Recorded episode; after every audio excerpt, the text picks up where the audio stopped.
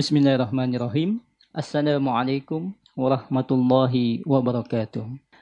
Baik pendengar 88,2 FM Radio An-Nasiha Sakinah dengan Sunnah. Alhamdulillah kembali kita bersyukur kepada Allah Subhanahu wa taala. Di sore hari ini kita bisa dipertemukan kembali di dalam acara spesial Ramadan yaitu konsultasi agama Rumahku Bersinar di bulan Ramadan. Di edisi hari ini hari Ahad tertanggal 10 Ramadan 1441 Hijriah atau bertepatan dengan tanggal 3 Mei 2020. Tak lupa kami menyapa anda yang ikut merilai siaran kami itu yaitu pendengar di Jabodetabek yang mendengarkan lewat 675 AM Syiar Tauhid dan anda pendengar di Solo yang mendengarkan lewat 107,5 FM Radio Al-Madinah. Dan Anda yang ingin melihat siaran live streaming, Anda bisa mengunjungi Facebook dan YouTube di akun Radio An-Nasiha dan Zulkarnain Muhammad Sunusi. InsyaAllah siaran ini juga bersiaran live streaming di YouTube dan Facebook. Dan di konsultasi agama kita ini masih bersama guru kita Al-Ustaz Zulkarnain bin Muhammad Sunusi Hafizahullah Ta'ala. Beliau adalah salah satu pengasuh dan pengajar di Pondok Pesantren As-Sunnah Makassar. Baik pendengar, sebagaimana biasa di konsultasi agama ini kami membuka kesempatan kepada Anda yang memiliki unek-unek atau pertanyaan seputar dunia Islam. Silakan Anda yang ingin berkonsultasi langsung Anda bisa menghubungi kami nanti di 0811 4458 882 atau anda bisa mengirimkan pertanyaan anda via SMS, WhatsApp ataupun ke Telegram di 0811413636 0811413636. Baik, waktu di studio sudah menunjukkan pukul 16 lewat 36 menit waktu Indonesia Tengah. Mari kita dengarkan tausiah di konsultasi agama spesial Ramadan, Rumahku Bersinar di bulan Ramadan. Tafadhal Ustaz. Bismillahirrahmanirrahim. Alhamdulillahi rabbil alamin. Wassalatu wassalamu ala al-mabawthi rahmatan lil alamin. Muhammad wa ala alihi wa sahbihi wa man tabi'ahum bi ihsanin ila yaumiddin amma ba'd. Kaum muslimin dan muslimat, para pendengar di mana pun Anda berada, Assalamualaikum warahmatullahi wabarakatuh. Sebuah ayat di surah At-Taubah. Yaitu ayat yang ke-112 setelah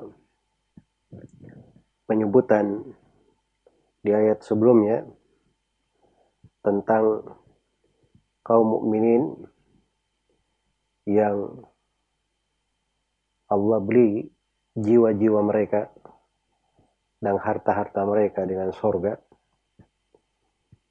maka diterangkan sifat orang-orang yang beriman ini di dalam sejumlah karakter yang penting dan akhlak yang mulia yang janji yang penghambaan yang agung yang hendaknya kita perhatikan. A'udzu billahi minasyaitonir rajim. At-taibun al-abidun al-hamidun as-saihun الراكعون الساجدون الآمرون بالمعروف والناهون عن المنكر والحافظون لحدود الله وبشر المؤمنين orang-orang yang beriman yang sifatnya yang telah diterangkan untuk mereka sorga Allah membeli jiwa-jiwa dan harta mereka nah sifat-sifat mereka ini yang pertama at-taibun orang-orang yang selalu bertobat. Yaitu dia bertobat dari segala dosa.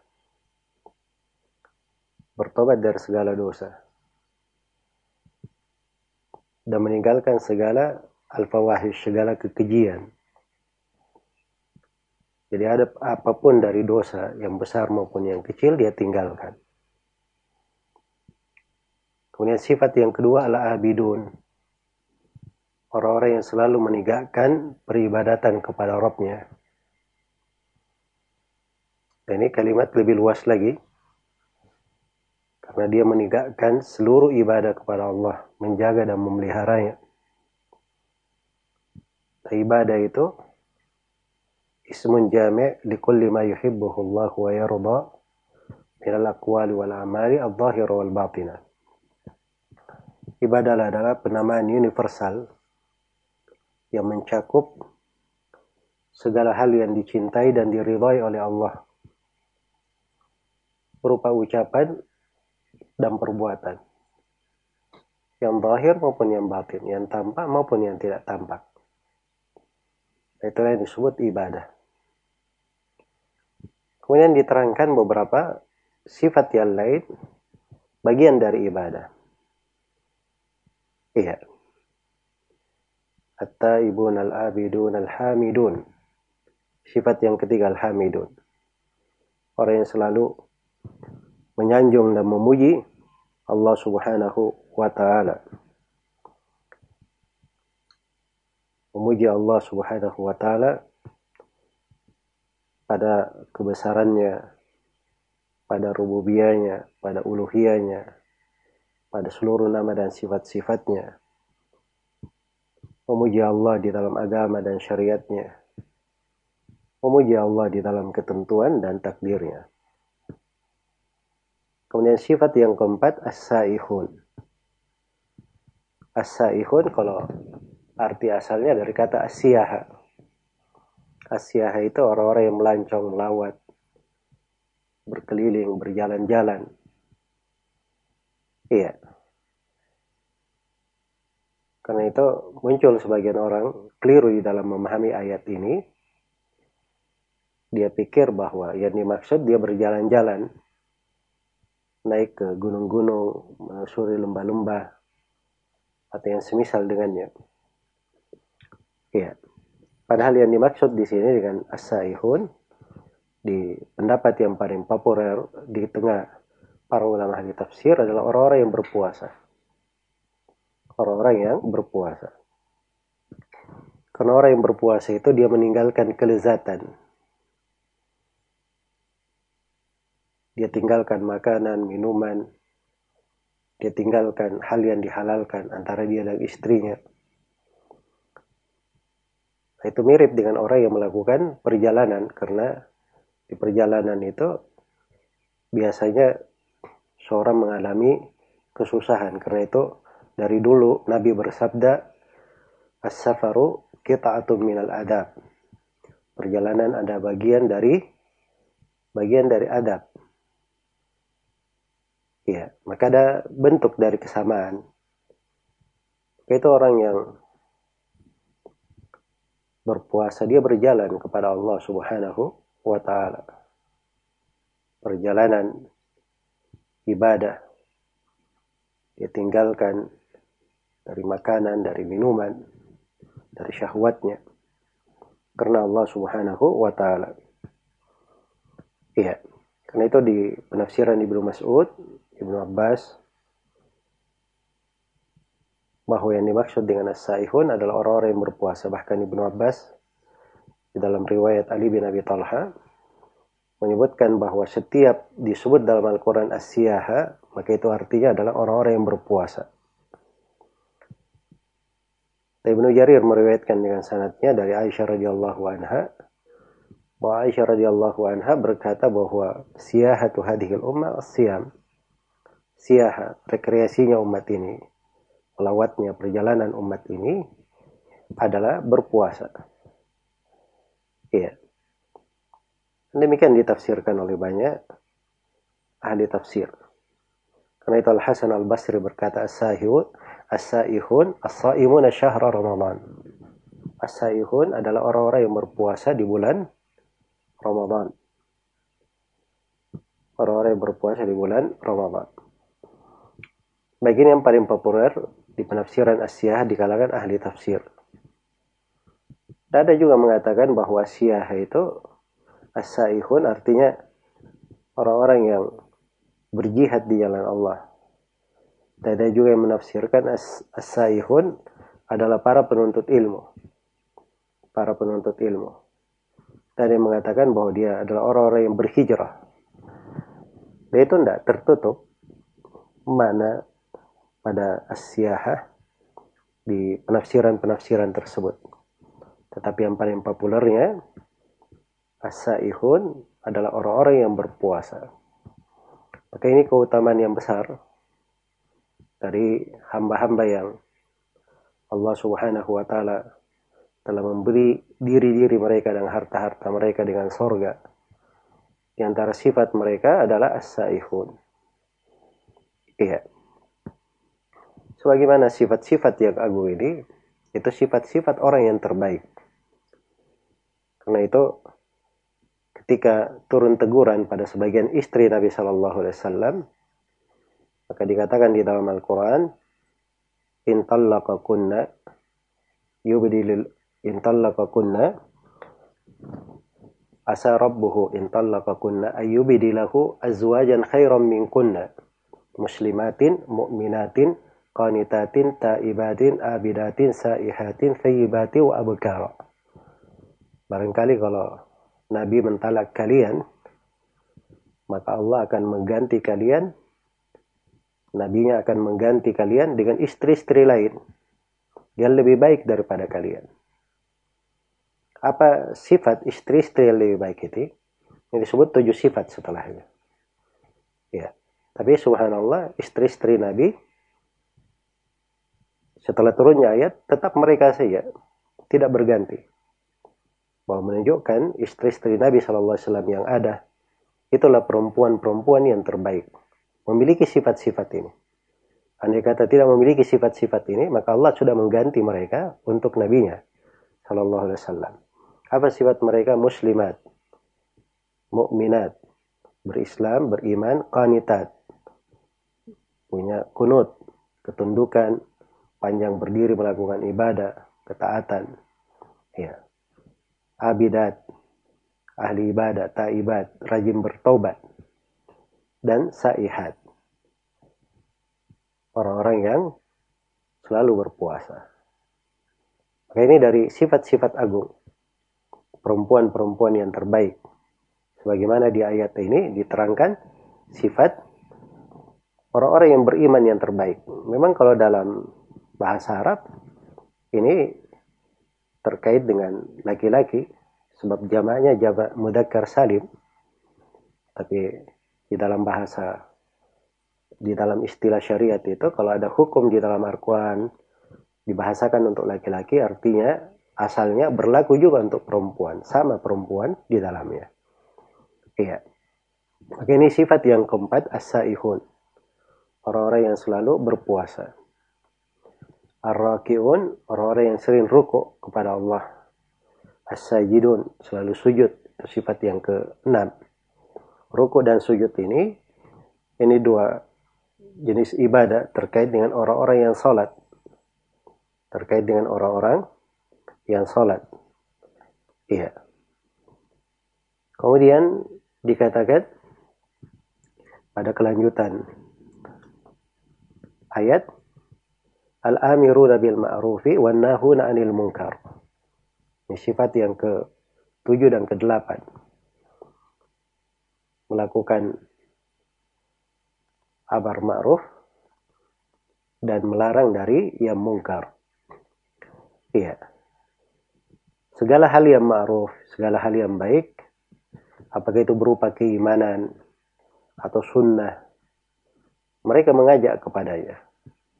Sebagaimana mereka melarang dari kemungkaran, apakah itu berupa kesyirikan, bid'ah, dosa dan maksiat, mereka melarang darinya. Itu sifat orang-orang yang beriman. Punya nilai di sisi Allah. Iya. Karena itu harus ada kecemburuan terhadap saudara-saudara kita apabila jatuh di dalam kekeliruan apalagi jatuh di dalam dosa-dosa besar yang bisa menghancurkan amalan. Dan terlebih lagi kalau dia melakukan perbuatan-perbuatan yang bisa menghancurkan negeri tidak mencelakakan diri dia saja, tapi mencelakakan orang lain juga. Maka harus ada amar ma'ruf nahi mungkar. Supaya tangan orang yang akan jatuh ke jurang ini ada yang memegangnya agar supaya perahu itu tidak tenggelam, menenggelamkan seluruh penumpang. Maka dilakukan amar ma'ruf dan nahi mungkar untuk menyelamatkan semuanya. Karena itu dia kedudukannya sangat agung dan besar di dalam syariat. Sifat yang terakhir, wal hafiduna li hududillah. Orang-orang yang selalu menjaga batasan-batasan Allah. Apa yang Allah perintah, apa yang Allah larang, itu mereka sangat tepat di atas batasan. Tidak keluar darinya. Itulah yang menegakkan segala batasan-batasan Allah. Kemudian di akhir ayat diberi kabar gembira dan diperintah nabinya untuk memberi kabar gembira. Wabashiril mu'minin dan beri kabar gembira kepada orang-orang yang beriman. Maka ini ayat yang agung, terdapat sembilan sifat yang besar dari sifat-sifat penghambaan terkait dengan orang-orang yang telah ditebus jiwa dan hartanya dengan sorga dan diberi kabar gembira dengan kemenangan yang besar, dengan pahala yang besar dan sembilan sifat ini adalah sembilan sifat yang makmur tersebar melambai-lambai di bulan Ramadan. Maka hendaknya kita memohon kepada Allah Subhanahu wa taala supaya dimudahkan untuk menjalani sifat-sifat yang agung ini. Berusaha untuk berada di dalamnya ada sembilan sifat di dalam teks ayat yang telah kita bacakan. At-taibun, orang-orang yang bertobat. Al-abidun, orang-orang yang selalu beribadah kepada Allah. Al-hamidun, orang-orang yang selalu memuji Allah. As-saihun, orang-orang yang berpuasa. Ya. Kemudian yang ke lima, Ar-rakiun, orang-orang yang selalu ruku. Yang keenam, As-sajidun, orang-orang yang selalu sujud. Yang ke tujuh, Al-amiruna bil ma'ruf, orang yang memerintah dengan hal yang ma'ruf. Yang kedelapan, an-nahuna lil munkar, orang yang melarang dari yang munkar. Dan yang kesembilan, wal hafidhuna li hududillah. Orang yang menjaga batasan-batasan Allah Subhanahu wa taala. Semoga Allah Subhanahu wa taala selalu meliputi kita semua dengan rahmatnya, menaungi kita dengan taufik dan hidayahnya, dan menjaga kita semua dari segala kejelekan, menghindarkan diri kita, keluarga kita, dan siapa yang kita cintai dari segala hal yang kita tidak senangi. Semoga Allah Subhanahu wa Ta'ala menganugerahkan kepada kita keindahan di dalam kehidupan di dunia ini dan keselamatan pada saat kita kembali kepadanya. Innahu waliyudzalika wal qadiru alaih wallahu taala Baik, amin amin ya rabbal alamin. Masya Allah, Barakallahu Fik, Sama-sama kita telah dengarkan pendengar tausiah dari guru kita, Ustaz Zulkarnain Hafizahullah Ta'ala. Di konsultasi agama spesial Ramadan hari ini, hari Ahad 10 Ramadan 1441 Hijriah. Baik, saatnya kami mengajak Anda berpartisipasi di konsultasi agama ini. Silahkan Anda yang ingin berkonsultasi langsung, yang ingin bertanya langsung, Anda bisa menghubungi kami di nomor telepon 0811 44 882 0811-4458-8882 atau Anda bisa mengirimkan pertanyaan Anda ke 081-141-3636 081-141-3636 Baik, kesempatan pertama ini kita menjawab dulu pertanyaan sudah masuk lewat WhatsApp. Tafadhal Ustaz. Bismillahirrahmanirrahim. Alhamdulillahirrahmanirrahim. Wassalatu wassalamu ala al-mabuthi rahmatan lil alamin. نبينا محمد وعلى آله وصحبه ومن تبعهم بإحسان إلى يوم الدين أما بعد Baik ini ada yang bertanya bagaimana hukumnya jika zakat fitri uh, disalurkan melalui online mengganti harga beras dengan uang. Nantinya panitia zakat yang ingin membeli beras dengan uang tersebut. Sementara kondisinya terjadi wabah saat seperti ini apakah ada, doa khusus saat menerima zakat fitri? Baik ini pertanyaan mungkin dari panitia zakat ya. Jadi kalau dia menerima zakat secara online, itu boleh saja, tapi sifatnya adalah amanah untuk dibelikan beras. Amanah untuk diberikan beras. Jadi bukan dikeluarkan dalam bentuk uang. Karena zakat fitri itu itu dikeluarkan oleh Nabi Shallallahu Alaihi Wasallam dan para sahabat dan datang di dalam ayat-ayat Al-Quran tentang zakat fitri dan di dalam hadits Rasulullah Sallallahu Alaihi Wasallam itu kaitannya dengan makanan pokok. kaitannya dengan makanan pokok, bukan dengan uang. Uang waktu itu ada di masa Nabi sebagai alat transaksi. Ya, dan manusia juga perlu kepadanya. Jika kata disyariatkan dengan hal tersebut, mereka akan mengeluarkannya dengan uang. Dan di belakang mengeluarkannya dengan beras banyak hikmah-hikmah. Di antara hikmahnya agar supaya terjamin orang-orang fakir di hari tersebut memiliki makanan sehingga di hari raya mereka bergembira sama dengan yang lainnya ada yang dimakan kemudian yang kedua ketika dikeluarkan dalam bentuk beras ada fisiknya itu terlihat oleh manusia sehingga tampak simbol Islam itu mereka saling membantu saling membahu beda dengan hanya mengirim lembaran-lembaran melalui online tidak kelihatan. Iya. Nah itu tidak kelihatan dari maksud pengagungan dan menembul, menampakkan simbol kebersamaan di tengah umat Islam. Dan banyak lagi hikmah-hikmah yang lainnya. Maka kalau zakat fitri itu diterima dalam bentuk uang oleh panitia, lalu disalurkan dalam bentuk beras, diberikan beras, itu nggak ada masalah. Sisa yang perlu diperhatikan bahwa kesempurnaan seorang yang mengeluarkan zakat fitri, dia mengeluarkan dari jenis makanan yang biasa dia makan. Ya, kalau dia bisa, misalnya dia beras yang biasa dia makan, beras harga 200 ribu per 25 kilo misalnya, maka dia keluarkan dari beras jenis itu atau lebih mahal. Ya, dari merek itu ataupun dari merek yang lainnya. Yang penting semisal dan senilai dengannya. Semisal dan senilai dengannya. Tapi kalau dari merek yang biasa dia makan itu lebih bagus dan lebih afdal. Sisa dia titip pesan saja ke panitia zakat, ini duit, misalnya uh, saya uh, mau mengeluarkan dalam bentuk beras, beras dengan merek ini harganya eh, 200 ribu, dia transfer 200 ribu, dia sebut semua kriteria dari berasnya.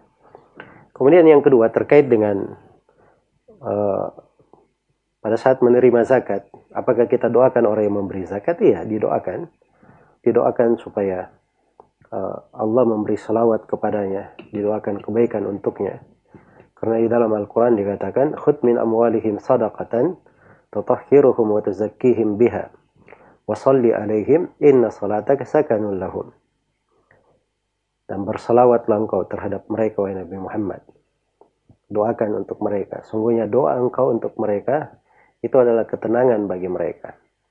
Dan Nabi Shallallahu Alaihi Wasallam ketika didatangi oleh Ibnu Abi Aufah dengan zakatnya, maka beliau mendoakan Allahumma salli ala Ali Ibnu Abi Aufah. Ya Allah berilah salawat kepada keluarga Ibnu Abi Aufah. Semoga Allah memberi taufik kepada semuanya. Wallahu ta'ala alam. Baik Ustaz, ada penelpon yang masuk. Bisa kita angkat? Baik. Assalamualaikum. Halo. Ya, Baik, dengan siapa di mana? Uh, dengan. Baik, dengan Bapak Rahmat di Makassar. Silahkan pertanyaannya.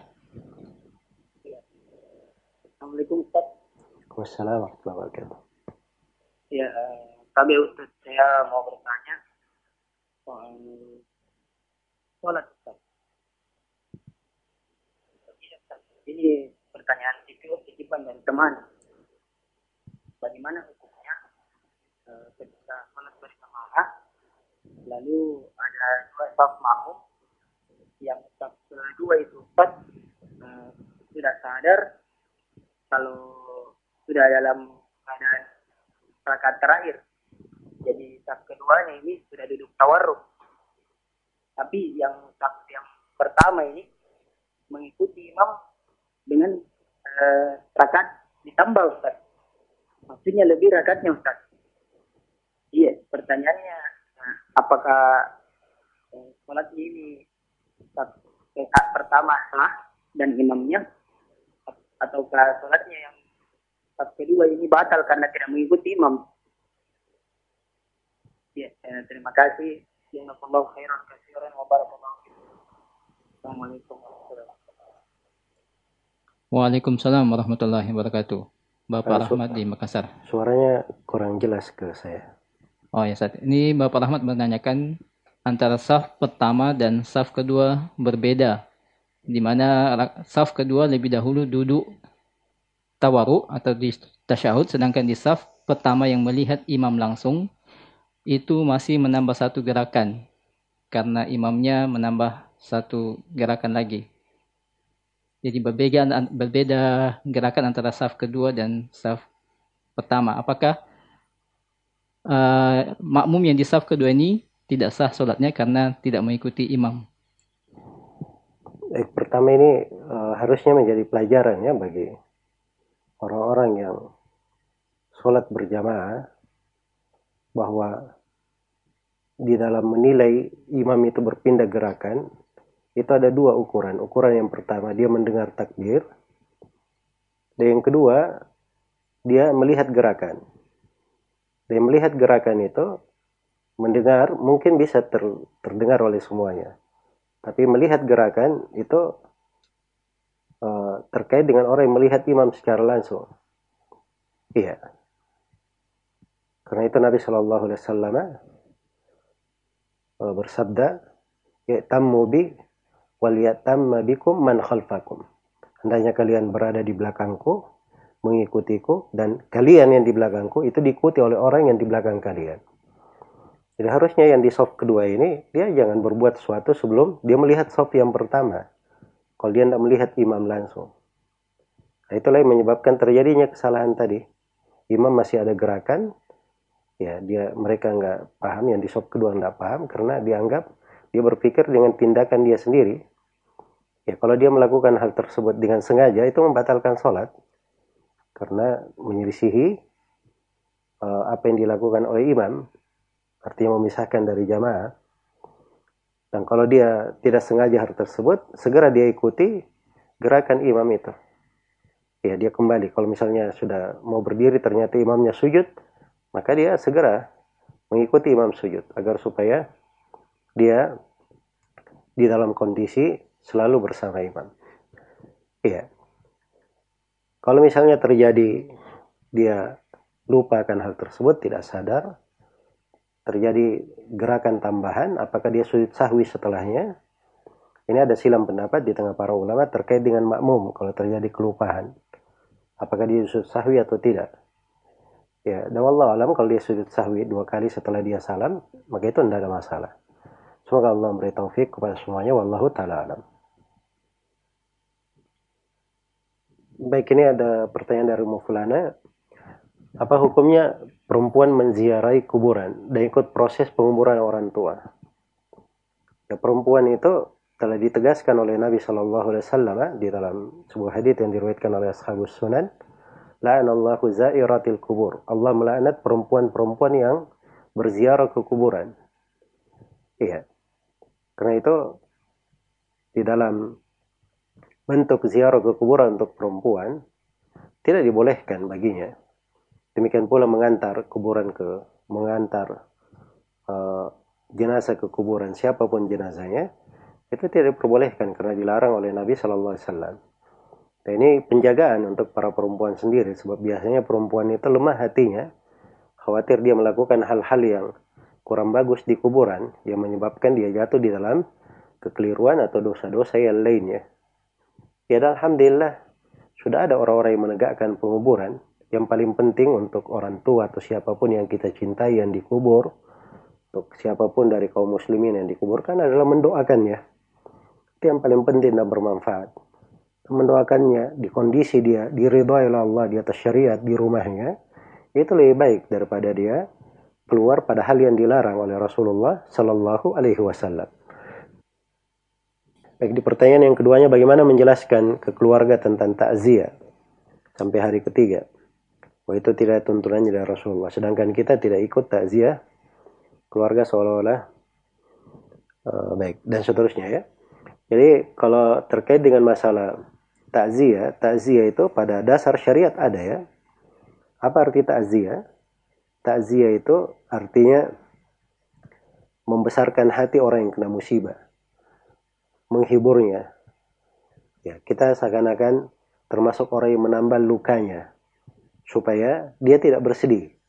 Nah, itulah kita datang menghiburnya, mendoakannya, memberi bantuan untuknya kalau dia perlu bantuan. Ya.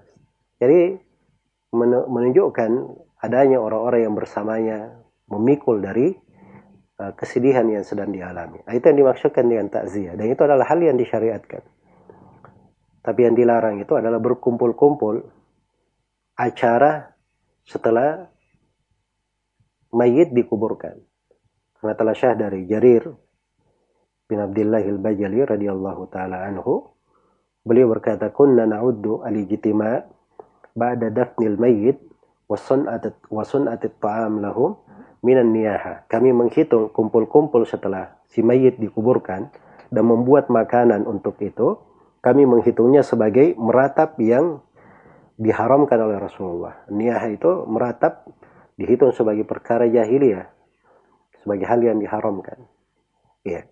Ya kalau dia buat acara-acara khusus berkumpul manusia setelah uh, mayit dikuburkan, apalagi dia buat acara membebani diri sendiri dengan menyembelih, ya berhutang misalnya atau uh, dengan hal yang seperti itu, maka ini adalah hal yang jauh dari syariat. Ya karena itu harusnya orang-orang yang melihat saudaranya itulah yang bergerak untuk memberi bantuan. Bukan saudara yang tertimpa musibah mengeluarkan duit untuk menjamu orang-orang yang datang. Tapi harusnya orang-orang yang datang bertakziah itu yang memberikan uh, makanan untuknya. Karena itu Rasulullah SAW bersabda ketika uh, Ja'far bin Abi Talib meninggal, kata beliau isna'u li ali Ja'farin ta'am. Ta'aman. Buatlah untuk keluarga Ja'far makanan. Diperintah kepada para sahabat membuatkan makanan untuk mereka, untuk keluarga Ja'far yang baru saja ditinggalkan. Ya. Maka itu cara bertakziah. Adapun kalau misalnya keluarga kita melakukan acara takziah tersebut karena dia adalah acara pada dasarnya berkumpul-kumpul seperti itu dilarang oleh Nabi, maka kita datang bukan pada saat berkumpulnya. Ya, kita datang mungkin di waktu lain, kita memang datang dengan bentuk yang disyariatkan, kita menghibur hatinya, kemudian menyampaikan bela sungkawa, mendoakannya, atau kalau kita punya kemampuan kita bawakan sesuatu dari makanan atau dari uang atau yang semisal dengannya untuk membantunya maka itu adalah hal yang baik. Dan itu tidak mesti kita datang di saat orang-orang sedang berkumpul-kumpul. Semoga Allah subhanahu wa ta'ala memberi taufik kepada semuanya. Wallahu ta'ala baik Ustaz bisa kita sapa lagi penelpon baik Halo, Assalamualaikum. Waalaikumsalam warahmatullahi Dengan siapa di mana? dengan hamba Allah di Maros, Ustaz. Baik, silahkan Bapak. Mohon dikecilkan dulu volume radionya. Ya. Ya, silahkan pertanyaannya. Uh, yang ingin kami tanyakan, apakah sah bacaannya seorang imam ketika setelah membaca surah Al-Fatihah, dia membaca surah tidak bersusun Ustaz. Misal, di rakaat pertama dia baca surah Al-Falaq. Kemudian di rakaat kedua dia baca surah uh, At-Takasur misalnya. Atau misalnya di rakaat pertama dia baca surah Al-Baqarah. Eh, di rakaat pertama dia baca surah Ali Imran. Kemudian di rakaat kedua dia baca surah Al-Baqarah. Baik, maksudnya ya, tidak sesuai susunan. Dan yang kedua, ya? Ustaz, ya? apakah sah cara kita membaca Al-Quran ketika kita sariawan mungkin pengusulan hurufnya tidak betul Ustaz. Gitu Baik. ya. Terima kasih. Assalamualaikum warahmatullahi wabarakatuh. Waalaikumsalam warahmatullahi wabarakatuh. Jadi pertanyaan yang pertama terkait dengan membaca surah setelah Al-Fatihah tidak berurut. Ya. Ya sesuai dengan urutan rakaat. Dan misalnya di rakaat pertama dia baca surah Ali Imran, di rakaat kedua dia baca surah Al-Baqarah. Ya memang itu dianggap oleh sebagian ulama sebagai hal yang makruh. Tapi kalau keabsahan sholat, sholatnya syah saja. Karena semuanya dari Al-Quran sudah memenuhi syarat keabsahan sholat. Tapi kalau dari sudut uh, afdalnya, afdalnya dia tidak lakukan seperti itu. Dia baca secara berurut dari urutan Al-Fatihah sampai Qul a'udzu. Iya.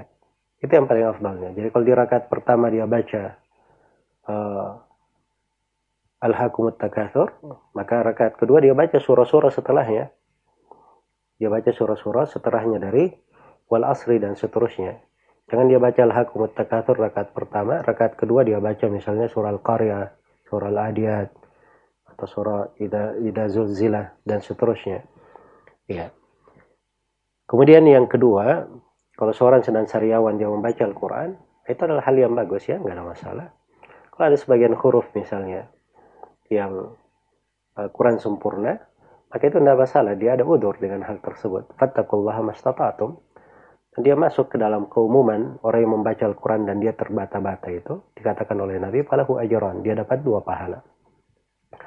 Semoga Allah subhanahu wa ta'ala memberi taufik kepada semuanya. Wallahu ta'ala alam. Baik, saya pinjam uang di koperasi simpan pinjam senilai 6 juta, tidak ada bunga. Saya harus mengembalikan sebesar 6 juta.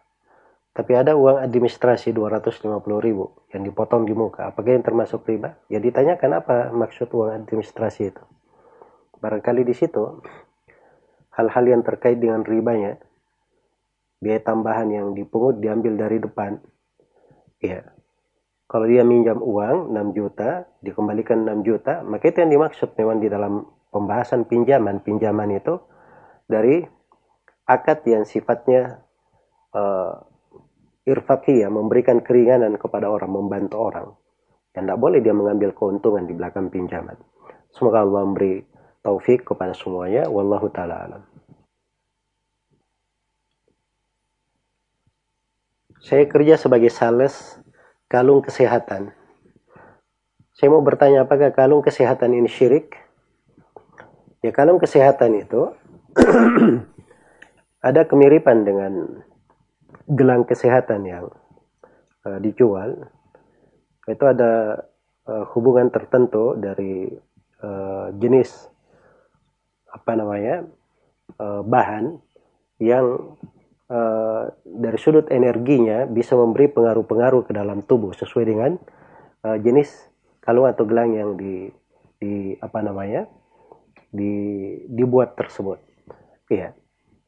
Jadi dari sudut manfaat mereka terangkan manfaatnya. Hanya saja dari sudut pembahasan agama di pembahasan syar'i itu adalah hal yang dilarang karena dia mirip dengan jimat-jimat dan mirip dengan jampi-jampi yang dikalungkan atau digelangkan.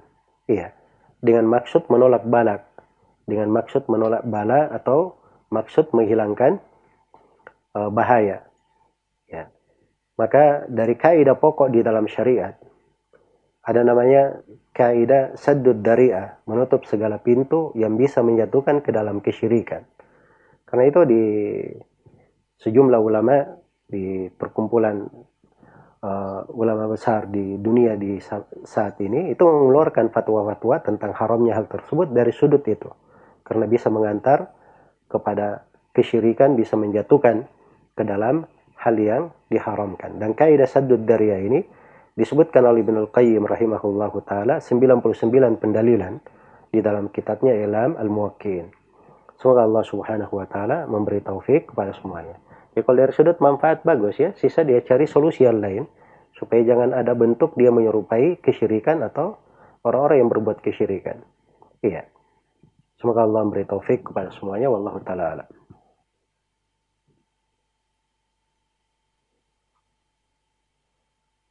Ada teman yang saat ini sedang sakit pada kedua matanya. Selama dia berpuasa, kondisi penglihatannya semakin menurun. Sedang penyakitnya ini tidak bisa lelah. Apakah boleh dia tidak berpuasa? Dan bagaimana mengganti utang puasanya? Ini harusnya dikonsultasikan ke dokter ya, orang-orang yang ahli di dalam hal tersebut. Apakah memang turunnya penglihatan mata disebabkan karena puasa atau selain puasa? Ya harus dia periksa dulu. Kalau ada dokter ahli, dan harusnya ada beberapa dokter yang memberikan pernyataan itu kepadanya mengatakan bahwa puasa ini membahayakan dan itu uh, untuk sementara kamu beristirahat dulu agar supaya uh, pelihatannya kembali maka tidak ada masalah dia berbuka. Itu namanya orang yang sakit. Dan orang yang sakit itu kalau dia berbuka hukumnya dia mengkodok di waktu lain kapan dia sehat. Semoga Allah memberi taufik kepada semuanya. Wallahu taala alam. Haruskah tidur terlebih dahulu sebelum sholat tahajud? Ya jawabannya sholat tahajud itu bagian dari sholat malam. Jadi sholat malam itu banyak nama ya. Ada sholat witir, sholat malam juga. Sholat tarawih, sholat malam juga. Sholat tahajud, sholat malam juga. Ya, cuma ini kan istilah-istilah yang membedakan. Kalau witir itu sholat malam yang ganjil menutup akhir sholat. Kalau sholat tarawih, dia sholat malam secara berjamaah dilakukan di awal malam. Ya, sholat uh, malam, nah itu sholat dilakukan di mana saja, di malam. Adapun sholat tahajud, memang kata tahajud itu dalam bahasa Arab, itu sesuatu yang dilakukan setelah dia tidur. Setelah dia tidur. Tapi bukan artinya kalau dia sholat di awal malam, tidak dihitung sholat malam. Tidak, itu salah paham. Iya, karena itu Nabi SAW berwasiat kepada Abu Hurairah tiga hal. Sebagaimana dalam hadis riwayat Bukhari Muslim. Salah satu wasiatnya kepada Abu Hurairah, dia berwitir tiga rakaat sebelum tidur. Ya, dan itu dihitung sholat malam. Karena itu mayoritas ulama menyebut bahwa waktu sholat malam itu bermula setelah pelaksanaan sholat isya sampai terbitnya fajar subuh. Nah, itu waktu sholat malam. Di mana pun dia lakukan, maka itu adalah hal yang uh, bagus. Cuman kalau dia ingin lebih sempurna, dia ingin meraih misalnya pahala tahajud di hari-hari biasa seperti Nabi Daud alaihi salam, Nabi Muhammad sallallahu alaihi wasallam tidur dulu kemudian sholat itu boleh saja. Tapi itu dilakukan di hari-hari biasa. Adapun di bulan Ramadan ini ini waktu penuh dengan keutamaan. Semua malam itu sangat utama sekali. Ya apalagi di 10 malam terakhir. Nabi malah tidak tidur di 10 malam terakhir. Beliau hidupkan seluruh malamnya beliau hidupkan seluruh malamnya. Ya maka dilihat kondisi dan keadaan seseorang di dalam hal tersebut. Dan Alhamdulillah banyak kelapangan dan keluasan. Semoga Allah memberi taufik kepada semuanya. Wallahu ta'ala alam. Baik Ustaz, kita jawab lagi penelpon. Baik. Assalamualaikum. Waalaikumsalam warahmatullah. Dengan siapa di mana? Mau konsultasi Ya, dengan Ustaz. ya silahkan Bapak. Eh, apa saya ingin menanyakan. Jadi kalau seorang karyawan itu kan diwajibkan harus mengganti jam sostek sifatnya itu bulanan. Nah terus apa itu dia hanya bisa mengambil ketika seseorang itu sudah pensiun. Nah, apakah selama nunggu pensiun harta itu kan bertambah dan akan mencapai nisabnya? Apakah harus dikeluarkan zakatnya untuk zakat mal? Nah, terus Baik, itu saja Bapak. padahal harta tersebut belum berada di tangannya.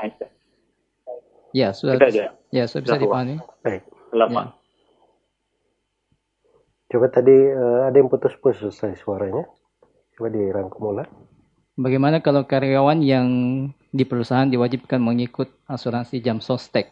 Ya terus. Ya, apakah harus dikeluarkan zakat malnya karena eh, dana jam sostek ini bisa diambil pada saat pensiun, jadi otomatis dananya ini masih terkumpul, jadi bisa ter- terkumpul sejumlah nisab yang harus dikeluarkan zakat mal. Baik itu eh, dilihat ya di kondisinya. Jadi di pembahasan eh, harta yang belum ada di tangan. Ya saya tidak bisa mengukur kondisi yang disebutkan tadi. Ya ukurannya itu kan harus ada dua supaya kita bisa pastikan.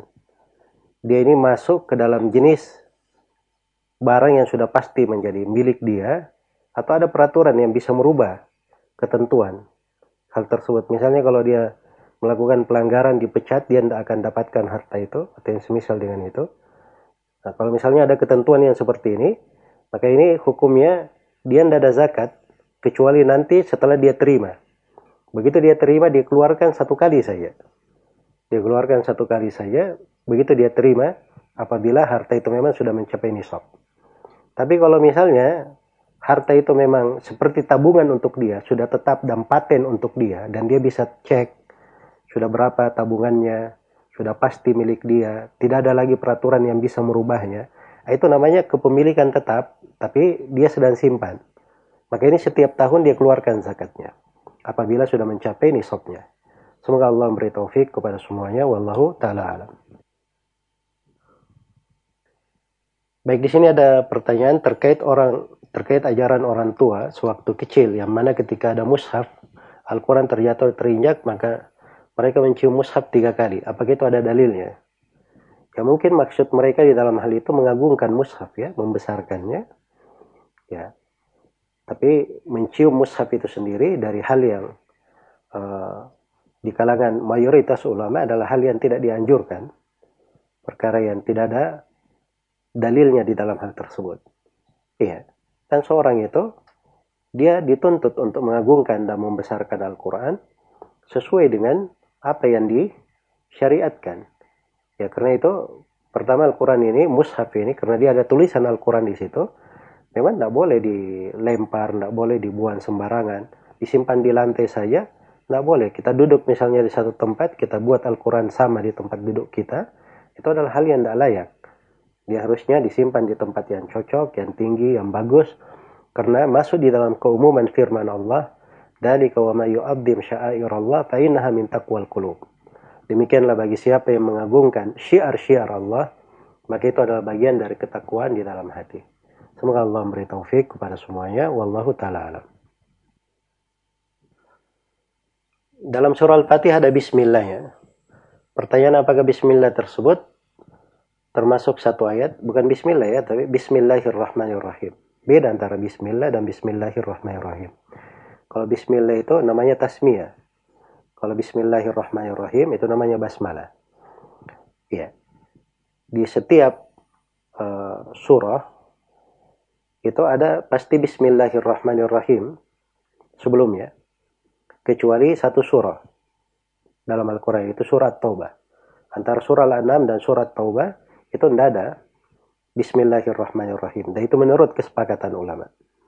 Kemudian ada satu Bismillahirrahmanirrahim disepakati oleh para ulama pasti masuk di dalam Al-Quran. Nah, itu uh, hanya berada di surah An-Naml.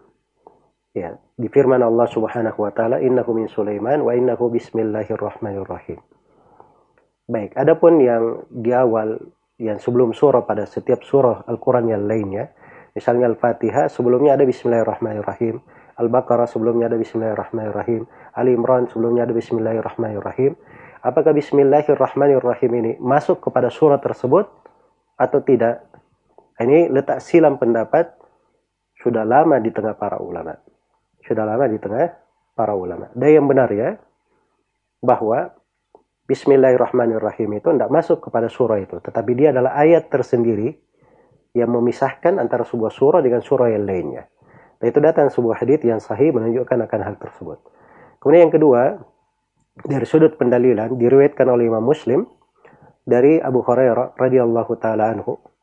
Rasulullah sallallahu alaihi wasallam bersabda bahwa Allah berfirman di hadits qudsi, "Kusimatis salatu baini wa baina abdi nisfaini." Sungguhnya solat itu dibagi antara aku dan hambaku menjadi dua. Solat yang dimaksud adalah surah Al-Fatihah. Karena surah Al-Fatihah itu punya banyak penamaan. Salah satu penamaannya disebut dengan nama solat. Karena dia adalah inti solat. Kalau tidak baca surah Al-Fatihah tidak syah solatnya. Karena itu di hadits Ubadah bin Samit riwayat Bukhari dan Muslim Rasulullah bersabda la salata liman lam yaqra bi Fatihatil kitab. Tidak ada solat bagi orang yang tidak membaca surah Al-Fatihah. Jadi ketika dikatakan kusimatis salatu, solat dibagi menjadi dua. Maksudnya surah Al-Fatihah dibagi menjadi dua. Iya. Kemudian dikatakan diterangkan keutamanya lalu diterangkan idza qala alhamdulillahi rabbil alamin apabila si hamba membaca alhamdulillahi rabbil alamin maka Allah berfirman hamidani abdi kalau si hamba membaca ar-rahmanir rahim maka Allah berfirman asna ali abdi dan apabila hamba membaca Maliki yaumiddin maka Allah berfirman majjadani abdi. Kalau si hamba membaca iyyaka na'budu wa iyyaka nasta'in maka si hamba membaca apa uh, maka Allah Subhanahu wa taala berfirman hada baini wa bain abdi wa li abdi masal ya jadi ketika disebut surah al-fatihah ayat yang paling pertama disebutkan adalah alhamdulillahirabbil alamin. Nah disebut bismillahirrahmanirrahim. Terus dimaklumi bahwa surah al-fatihah itu tujuh ayat. Ya, ketika disebut Alhamdulillah, setelah itu Ar-Rahmanir-Rahim, kemudian Malik Yawmiddin, begitu disebut Iya karena bodoh iya karena maka Allah berfirman, ini antara aku dan hambaku. Berarti ini ayat yang pertengahan, ayat yang keempat. Ya. Berarti tiga ayat sebelumnya dan tiga ayat setelahnya. Tiga ayat sebelumnya bisa dihitung ya. Satu, Alhamdulillah Rabbil Alamin. Dua, Ar-Rahmanir Rahim. Tiga, Malik Yawmiddin. Empat, Iya kena wa iya kena stain. Baik, tiga ayat setelahnya.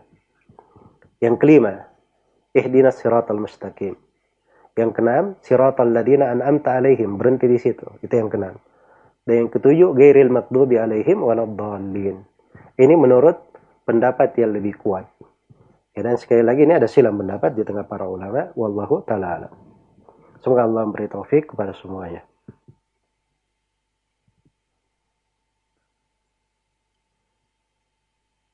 Di masjid dekat rumah saya, setiap sholat subuh di hari Jumat, imam selalu membaca surah sajadah dan melakukan sujud tilawah. Apakah ada dalil khusus membaca ayat sajadah pada sholat subuh di hari Jumat? Jadi pertama dibedakan ya antara membaca surahnya dan sujud tilawahnya. Itu dua hukum. Adapun membaca surahnya itu syah di dalam hadis di riwayat Muslim. Tapi di subuh hari Jumat beliau membaca di rakaat pertama as-sajadah sempurna dan di rakaat yang kedua beliau membaca hal ata alal insan. hal ata alal insan. Nah, ini sunnahnya. Kalau ingin sunnah. Ada sebagian masyarakat kita, karena hari subuh dia baca saja, as-sajadah, tapi as-sajadahnya dibagi dua. Ya. Dan ini tentunya uh, tidak mencocoki apa yang disunnahkan oleh Nabi Shallallahu Alaihi Wasallam. Baik. Kemudian yang kedua terkait dengan sujud tilawahnya. Di hadis tersebut tidak diterangkan tentang masalah sujud tilawah. Ya. Maka sisa di surah saja apakah ada sujud tilawah atau tidak. Ada sebagian hadis memang menjelaskannya, tapi haditsnya lemah. Yang syah itu datang dari sejumlah sahabat. Di antaranya dari Ali bin Abi Thalib, diriwayatkan oleh At-Tahawi dalam Mushkil Athar dengan sanad yang hasan. Beliau pernah sujud tilawah di As-Sajdah. Dan ada dari beberapa sahabat yang lain, bahkan sebagiannya menukil kesepakatan syariat sujud di situ. Nah, kalau dia sujud di As-Sajdah di situ, berdasarkan hal itu, maka itu tidak ada masalah, insya Allah Ta'ala. Semoga Allah memberi taufik kepada semuanya. Wallahu ta'ala. Apakah boleh memakai Asmaul Husna yang diubah ke bentuk muannas untuk nama anak perempuan? Seperti Al-Aziz di menjadi Aziza, Ar-Rahim menjadi Rahimah dan semisalnya. Pertama seorang itu tidak boleh ya dia memakai nama Allah dengan maksud penamaan Allah untuk dirinya secara khusus. Tidak. Tapi memang dari Asmaul Husna itu, ya itu terkait dengan maksud ya, menjadikan nama Allah sebagai nama untuk dirinya. Tetapi kalau misalnya dia memakai sebuah nama, yang nama tersebut memang uh, digunakan juga untuk selain Allah Subhanahu wa taala, maka itu enggak ada masalah. Karena Asmaul Husna itu kata para ulama, itu secara umum terbagi dua. Ada nama khusus bagi Allah, tidak boleh ada yang bernama dengan nama itu. Misalnya nama Allah. Tidak boleh ada makhluk siapa pun bernama dengan nama Allah. Demikian pula nama Ar-Rahman. Tidak boleh ada siapa pun bernama dengan nama Ar-Rahman. Iya. Karena itu ada sebagian orang yang dikafirkan oleh ulama. Karena dia punya dua anak. Anak pertama dia beri nama Allah. Anak yang kedua dia beri nama Ar-Rahman. Nah ini adalah bersekutu dengan Allah di dalam penamaan yang khusus baginya. Itu adalah hal yang membatalkan keislaman. Waliyahzubillah. Kemudian yang kedua, ada jenis dari nama. Memang di dalam Al-Quran sendiri, Allah sebut sebagian makhluk dengan nama itu. Halata alal insani hinum minad dahri lam yakun syai'an madkura. Inna khalaqana al-insana min natafatin amsyajin nabatali. Faja'alnahu sami'an basira. Manusia disebut sami'an basira. Dan dari Asma'ul Husna, nama As-Sami' Al-Basir. Ya. Laqad ja'akum rasulun min anfusikum azizun alaihi ma anittum harisun alaikum bil mu'minina raufur rahim. Jadi dua rauf rahim disifatkan untuk Nabi Muhammad. Padahal ar-rauf dan ar-rahim itu juga nama Allah. Iya. Jadi ada memang yang bukan kekhususan, maka itu nggak ada masalah. Jadi kalau disebut nama Aziza misalnya, itu nggak ada masalah. Rahimah juga nggak ada masalah. Ya, tapi jangan berkata Wah ini karena saya memakai Asmaul Husna. Nah, itu namanya mengkhususkan nama. Dia maksudkan suatu makna. Ya, maksudkan suatu makna. Itu tidak boleh. Karena itu nama Al-Hakam misalnya. Ada di antara sahabat bernama Al-Hakam. Bulan bin Al-Hakam. Tapi ada sebagian sahabat yang uh, digelari oleh kaumnya Abul Hakam, maka Nabi tanya, kenapa kamu digelari Abul Hakam? Maka dia cerita bahwa kaumnya ini kalau berselisih, maka dia datang berhukum kepada dirinya, maka dia digelari Abul Hakam. Maka kata beliau, kamu ganti nama kunyamu. Ya, sebab itu bentuk yang seperti itu, itu kekhususan untuk Allah dari sudut mana. Maka dari sudut mana ini harusnya diperhatikan juga. Semoga Allah Subhanahu wa taala memberi taufik kepada semuanya wallahu taala alam. Baik, Ustaz, bisa kita jawab satu pertanyaan terakhir melalui penelpon?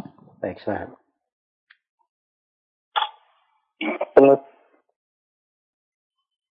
Baik, kadarullah terputus. Bisa kita jawab satu pertanyaan terakhir dari WhatsApp saja. Ya, Masya Allah. Ini masih banyak sekali pertanyaan ya. Dan saya tadi menjawab beberapa pertanyaan agak panjang juga. Qadarallahu wa masyafa'al.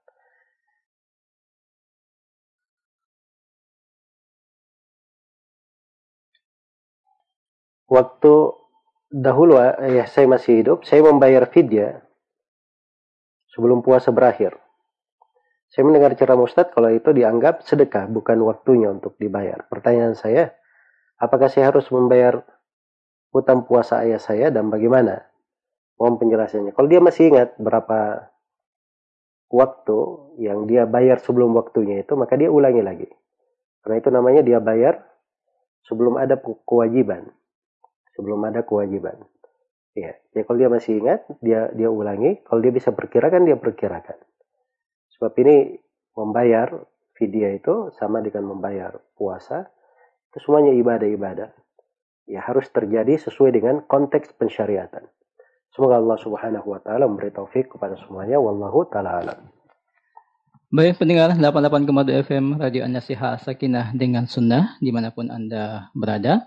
Alhamdulillah telah kita ikuti rangkaian program interaktif konsultasi agama di sore hari ini di edisi hari Ahad 10 Ramadan 1441 Hijriah. Kita ucapkan jazakallah khair wa barakallahu fi kepada guru kita Al-Ustaz Zulkarnain bin Muhammad Sunusi hafizahullah taala.